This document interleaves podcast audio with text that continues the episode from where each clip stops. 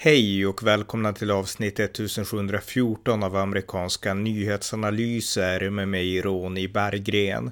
En konservativ podcast som kan stödjas på swishnummer 070-30 28 95 0.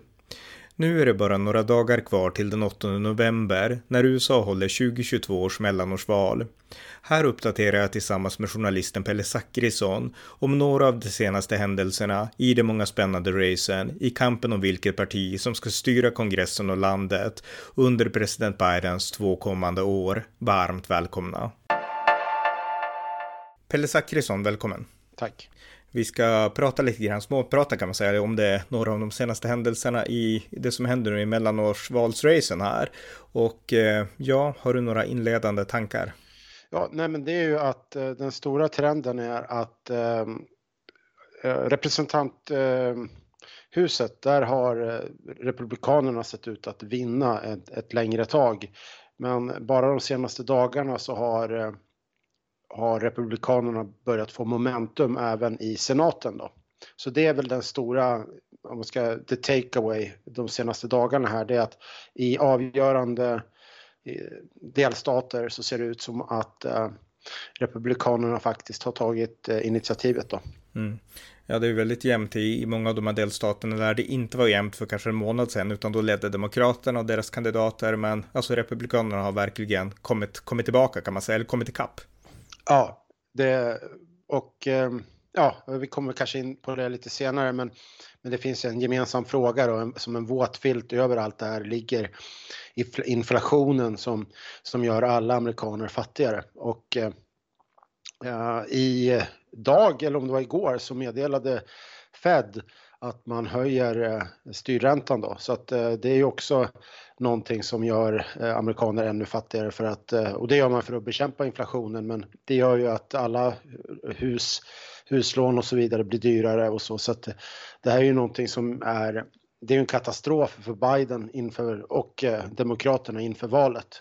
Jag har inte sett några analyser av det här i, i amerikansk media när jag har tittat runt lite grann, men men det är ju en, jag tror att det här är det som faktiskt kan knäcka Demokraterna helt. Och man brukar ju prata om att det blir en red wave, alltså en republikansk våg.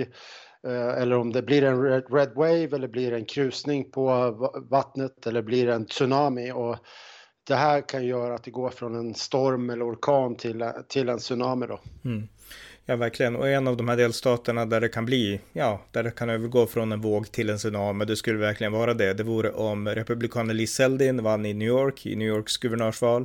Jag har djupt poddat om det här lite grann, men jag såg en intressant intervju idag med den senaste republikanska guvernören, nämligen George Pataki, som har varit guvernör i New York mellan, eller han satt då mellan 1995 och 2006, men under väldigt lång tid då. Och ja, han var väldigt populär och fick stor stjärnstatus inom det republikanska partiet då. Och han besegrade Mario Cuomo faktiskt 1994 måste det ha varit då. Eh, så att han pratade om sin, vad ska man säga, efterföljare, Liz Heldin chanser att vinna den här gången. Och han menar att chanserna är goda och att eh, man underskattar opinionsundersökningarna och eh, ja, alltså de flesta underskattar vilka chanser som Liz Eldin faktiskt har och han drar många paralleller till sig själv och att han underskattades av Mario Kumi och sådär på, på mitten av 90-talet. Så ja. att det var rätt intressant, så proffs, proffsbedömning om, mm. om det här racet. Ja, vi kan ju säga vem, vem Mario Kumo var då. Jag tänker mig att du har ju eh, bröderna Kumo idag. Mm. Ja, precis. Andrew Cuomo, han var ju guvernör innan han fick lämna plats då för Katie Hochul för att han åkte, ja, han vart anklagad för sextrakasserier och hans bror Chris Cuomo, han arbetade ju på CNN och var en av de här mest hetska CNN eh, programmoderatorerna, så han fick ju sluta på CNN också, så att eh, det är hans söner då, Mario Cuomo. Ja, och Chris Cuomo är idag på News Nation som är rätt, eh, ganska, lite YouTube-baserad kanal och jag tycker att han är bra på, på News Nation. Jag blev förvånad, så att, eh, men det, det var en liten avstickare. Men apropå New York och Lee Selden, just eh, inflationen, jag tror att det är någonting som kommer att spela större roll i, i um, en, en stat som New York än, än någon annanstans. Kanske de med undantag för Kalifornien men, men eh, bostadspriserna är ju jättehöga i, i New York. Och speciellt då i staden New York, det är ju en stat. Men att i staden New York att de här bostadspriserna och folk som är högt belånade och så vidare. De kommer märka av det här jättemycket. Och det kan svänga och, och svänga så att det inte bara är, att det inte bara är eh, eh, Selden som tar hem det här utan att även flera andra sådana här eh, representant eh, som kommer att svänga som man inte trodde. Mm. Ja, verkligen. Och eh, även brottsligheten då, det är det som man hamrar på mest om, Lisa Elden, då, att brottsligheten har spårat ur och att guvernör Hochul då gör ingenting ungefär. Ja, nej. Eh, ett annat race jag tänkte nämna som är väldigt, eh, det, det, jag har inte hunnit sätta, sätta mig in i det så mycket, men det är alltså kampen om vem som ska bli guvernör i Michigan. Det är den sittande demokratiska guvernören Gretchen Whitmer som blev känd under coronan för att hon gjorde en stenhård lockdown där i, ja, under ganska lång tid faktiskt i Michigan. Och eh, en av de hårdaste i landet. Och hon hycklade, minns jag mycket väl, för jag poddade om det här då, att hon själv, som många andra i hennes ställning, då var ändå ute och härjade på utan ansiktsmasker och liknande medan hon krävde att alla andra skulle ha det. Men hon står inför ett omval nu och hon utmanas av en republikan, en kvinna som heter Tudor Dixon, som är en före detta skräckskådespelare i lågbudgetfilmer och som sen har varit konservativ eh, kommentator på, eh, på America Voice Live heter, heter den kanalen på, på webben då som jag aldrig har sett förvisso. Men, men eh, Tudor Dixon heter hon i alla fall som utmanar Gretchen Whitmer. Ja, det är ju lysande. Det blir ju en skräckshow uppe i Michigan då. ja, exakt. Ja, nu börjar det nästan bli det. Och det intressanta här då, det är såklart då att eh, Michigan, alltså vi har ju pratat förut och jag har pratat om hur mycket Trump ändå är ett slags eh, spöke i skuggorna i det här mellanårsvalet, mm. alltså när det gäller valfuskteorier och sådana saker. Och det gäller även i Michigan. I Michigan efter valet 2020 så vart ju Trump var ju väldigt kritisk mot det här med mail-in ballots och liknande och hur det hade försiggått i Michigan. Och eh, det vart en fight om det. Och Tudor Dixon då, den republikanska kandidaten, hon lovade Trump trohet under det republikanska primärvalet nu i somras då, i kampen om vem som skulle bli republikanernas guvernörskandidat. Hon vann och eh, Trump lovordade också henne. Och jag tänkte spela ett klipp. Det här är den 2 april i år när Trump var i Michigan och höll ett rally. Och han visste väl redan då att, att hon var inne på hans linje, så han sa så här. Now we have a candidate for governor who's very popular, who's a fantastic, brilliant candidate, Tudor Dixon. Tudor. Så det var Donald Trump som har endorsat då Tudor Dixon och hon har också fått stöd av Tulsi Gabbard, Tulsi Gabbard från Hawaii som hoppat av Demokraterna och nu reser runt och stöder Republikaner. Hon har ju stött Kerry Lake, Arizona och nu även Tudor Dixon då. Eh, ja, så att eh, det är hon mot, ja vill du skjuta in något där? Nej, men det är ju, alltså Tulsi Gabbard är ju eh, väldigt problematisk när det gäller utrikespolitiken. Det var väl egentligen det jag skulle skjuta in. Mm. Eh, men eh, ja.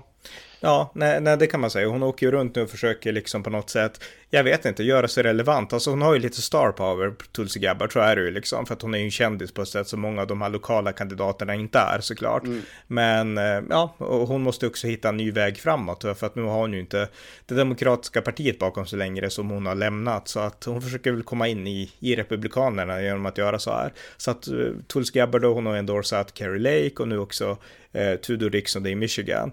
Men i alla fall, Tudor Dixon, republikanen, hon har debatterat två gånger mot Gretchen Whitmer och de debatterna har jag inte sett. Vi får se om jag hinner se dem och podda om dem. Men det jag läste är att, eh, ja, Whitmer försöker utmåla Dixon som en extremist såklart, en abortextremist, en Donald Trump-extremist. Och Tudor Dixon försöker utmåla Whitmer som en, en guvernör som inte vill Michigans bästa och som har varit emot småföretag och som har förstört delstaten helt enkelt. Så det är ungefär så som kontrasten har utkristalliserats mellan de två. Ja, alltså för att bli endorsad av Trump så ska det ju vara någon form av eh, liksom valresultatsförnekare.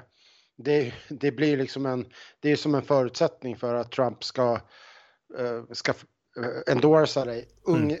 mer eller mindre. Sen finns det ju exempelvis Mehmet Oz då i Dr. Oz i Ohio har ju varit tycker jag har eh, dansat eh, ganska, han har ju balanserat ganska bra på det där och JD Vance också när det har kommit närmare valet mm. Eh, ska det sägas. Men Men just det där för att få den där endorsement, då måste man ju liksom eh, sluta upp bakom de här eh, stollerierna om att det var liksom något form av organiserat valfusk. Mm. Och det är det Tudor Dixon har gjort också då i Michigan. Men det ska sägas alltså att hon är ju, eh, för det är ju så här också, alltså de här, även om de här republikanerna är ute och cyklar när det gäller Trump och de, de liksom, de smickrar för Trump och de försöker ställa sig in och de liksom vet att Trump har en stor skara anhängare som tror på de här teorierna och de leker med dem.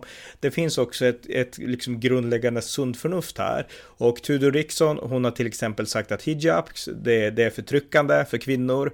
Hon har sagt att iranska föräldrar, de kan mörda sina döttrar, det är helt sant liksom. Och sådana saker, så att jag menar, hon har ett sunt förnuft och vågar på något sätt ha det på ett sätt som demokrater inte har. Och det tycker jag är glädjande och jag tror också att det är det här sunda förnuftet och en hyfsat ja. bra kampanj som gör att det nu går bättre och bättre. För jag ska börja komma hit då, att eh, opinionsmätningen nu, det är det som gör det värt att prata om det här i guvernörsracet i Michigan, det är att för en månad sedan så ledde Gretchen Whitmer med 10% men nu är ställningen i princip, det finns en opinionsundersökning som ger båda 45 respektive och i Real Clear Politics så leder Gretchen Whitmer med några få procent bara, så att det är extremt jämnt nu.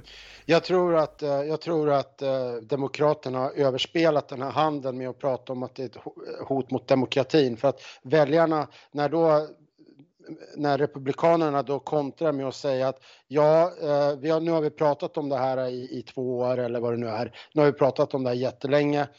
Men det, det jag möter när jag möter mina väljare, säger då Republikanen, det är att de, de är oroliga av inflationen. De vill inte prata om eh, 6 januari. Det, och, och, så får de den där kontrasten. Mm. Och då är det många som faktiskt är less på att prata om 6 januari.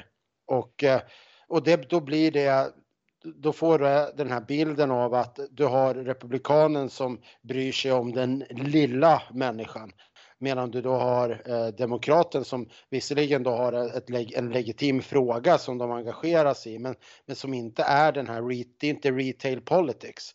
Och Bill Clinton i, på 90-talet, retail politics, han var ju den som, han vann ju med det och också att it's the economy stupid liksom. Han vann ju med det här eh, vardags, eh, vardagsfrågorna. Ja, så var det. Och om vi tar vardagsfrågan nu då, alltså om, du, om man tänker på inflationen och sådär, alltså hur tror du att det kommer att påverka? Alltså det, det är mycket, jag tror att det blir mycket större än vad vi, alltså i, i Sverige så tror jag inte vi kan förstå Även om inflationen slår hårt mot oss här i Sverige så har vi ändå, vi har sådana här sociala skyddssystem och vi har ett, eh, olika former av, eh, men, att man betalar skatt och sådär och så får man barnbidrag och sådär.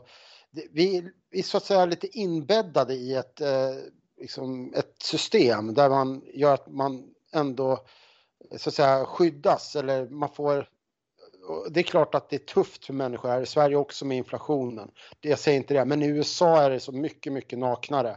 Det slår mycket, mycket hårdare. Det, det är, eh, och, och, och det, det, är ju obarmhärtigt. Liksom. Ja, ett konkret exempel på det, det är ju liksom som alla som har sina sjukvårdsförsäkringar knutna till arbetsplatsen. Alltså rika företag brukar ju liksom teckna sjukförsäkringar och då behöver du ingen privat. Men förlorar du jobbet så förlorar du ju, nu vet jag inte om det sker på ja. en gång, men på sikt så förlorar du sjukförsäkringen också. Ja, ja.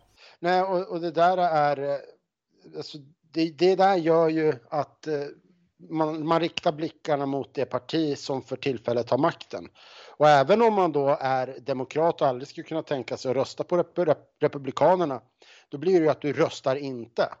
Så att eh, det, ja, det, det är ju en väldigt tuff situation för Demokraterna skulle jag säga. Mm. Eh, en sak till också för att återvända till Michigan. Det finns också ett annat race som är spännande där och som Donald Trump och många andra håller ögonen på och det är valet till Michigans Secretary of State. Därför att det är en sittande demokrat som heter Jocelyn Benson hon blev känd och blev en central person i efterspelet till valet 2020 därför att hon fick ju hålla i allt det här med att liksom granska röster och sådär och vart djupt kritiserad av Donald Trump. Och hon utmanas nu av en republikansk kvinna som heter Christina Caramo som eh, har då lovat att verkligen gå till botten med valet och undersöka varje aspekt av det. Så att här har vi också liksom de här eh, valkonspirationsrepublikanerna som, som vinner val och vinner primärval framför allt på att gå på den här linjen. Så att eh, det här är också ett race då liksom i Michigan Secretary of State som alla som på något sätt är intresserade av valet 2020 liksom har, har ögonen på. Mm. Ja. Mm. Eh, ja, eh, har vi något mer att säga så här? Eh, det här är bara en kort uppdatering så här på kvällskvisten. Ja. Jag kommer göra djupa, djupare poddar imorgon ska jag säga, men inte, ja. inte nu kväll. Ja. Nej, jag har ju tittat lite grann på den här frågan om inflationen då, för att det är ju någonting som eh, sannolikt, tror jag, jag tror att Demokraterna kommer förlora båda kamrarna och jag tror att de kommer förlora, hu, eh, de kommer förlora representanthuset kraftigt. Eh, och eh, jag tror att det är inflationen som kommer att jaga eh, Demokraterna ur båda eh, kamrarna. Eh, men det intressanta tycker jag är att, att Republikanerna har inte pressats jättemycket på vad deras politik är. Men jag har försökt sätta mig in i lite grann, vad är deras lösningar där då?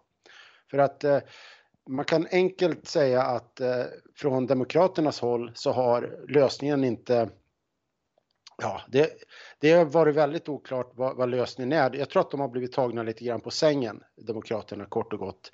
Eh, och man har, man har varit väldigt otydlig. Men Republikanerna, deras lösning är kortfattat, det är att man vill avreglera. Man vill avreglera uh, oljetillstånden och frackingen, göra det enklare att, att utvinna olja Mm. Idag så finns det begränsningar på statlig, eh, statlig mark.